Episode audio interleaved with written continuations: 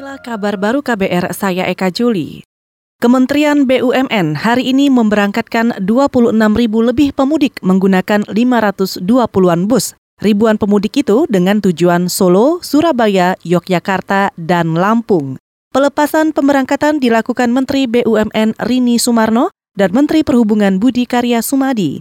Rini mengatakan program mudik bareng BUMN tahun ini naik 22,6 persen dibandingkan tahun lalu.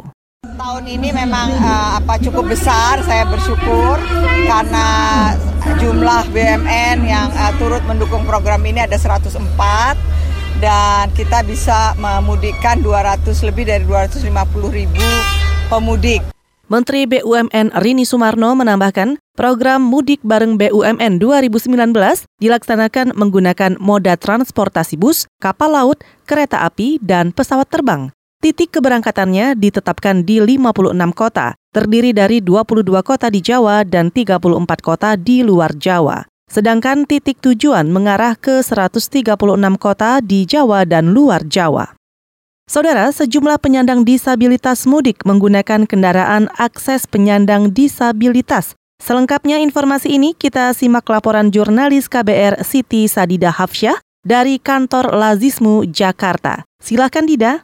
Saudara Advokasi Mudik Ramah Anak dan Disabilitas atau MRAD menjadwalkan keberangkatan peserta mudik pertama ke Lampung dan Palembang pukul 2 siang ini. Ada enam penyandang disabilitas, dua di antaranya usia anak dan tiga peserta menggunakan kursi roda. Mereka akan difasilitasi dengan satu unit mobil akses penyandang disabilitas yang memungkinkan peserta mudik untuk tetap duduk dalam kursi rodanya. Nantinya mobil akses pendamping juga akan mengawal selama perjalanan sampai dengan Pelabuhan Merak. MRAD sendiri sudah menjalani programnya selama 4 tahun dan tahun ini MRAD memfasilitasi total hampir 200 peserta mudik ke wilayah Jawa dan Sumatera, yaitu terdiri dari anak-anak, penyandang disabilitas beserta keluarga yang mendampinginya. Fasilitas yang diberikan berupa akses transportasi mudik, kesehatan hingga konsumsinya sendiri. MRAD menjadwalkan keberangkatan mudik yang kedua pada Sabtu ini 1 Juni 2019 untuk tujuan Jawa dan Sumatera. Dari kantor Lazismu Jakarta Pusat, Siti Sadida Hafsyah untuk KBR.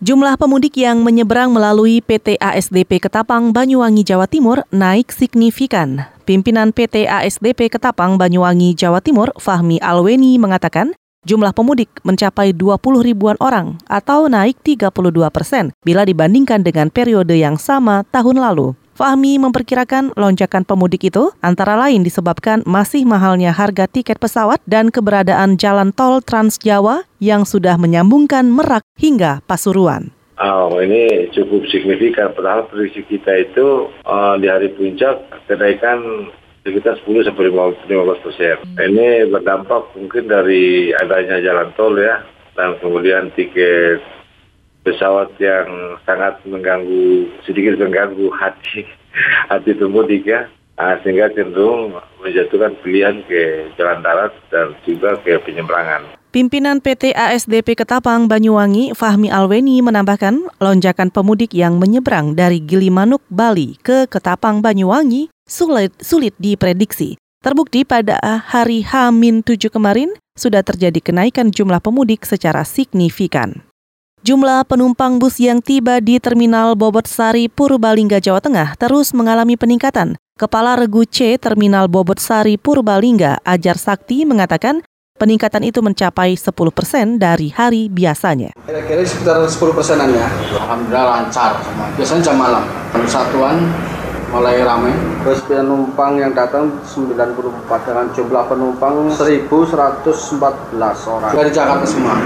Masih Jakarta sebuah bis yang berangkat dari Bogor-Sari ke Rajakarta 69. Kepala Regu C Terminal Sari Purbalingga Ajar Sakti menambahkan puncak lonjakan penumpang bus yang tiba diperkirakan pada 1 dan 2 Juni nanti. Ajar juga menuturkan agen-agen bus malam banyak yang melakukan penambahan armada kendaraan karena jumlah penumpang tahun ini juga bertambah.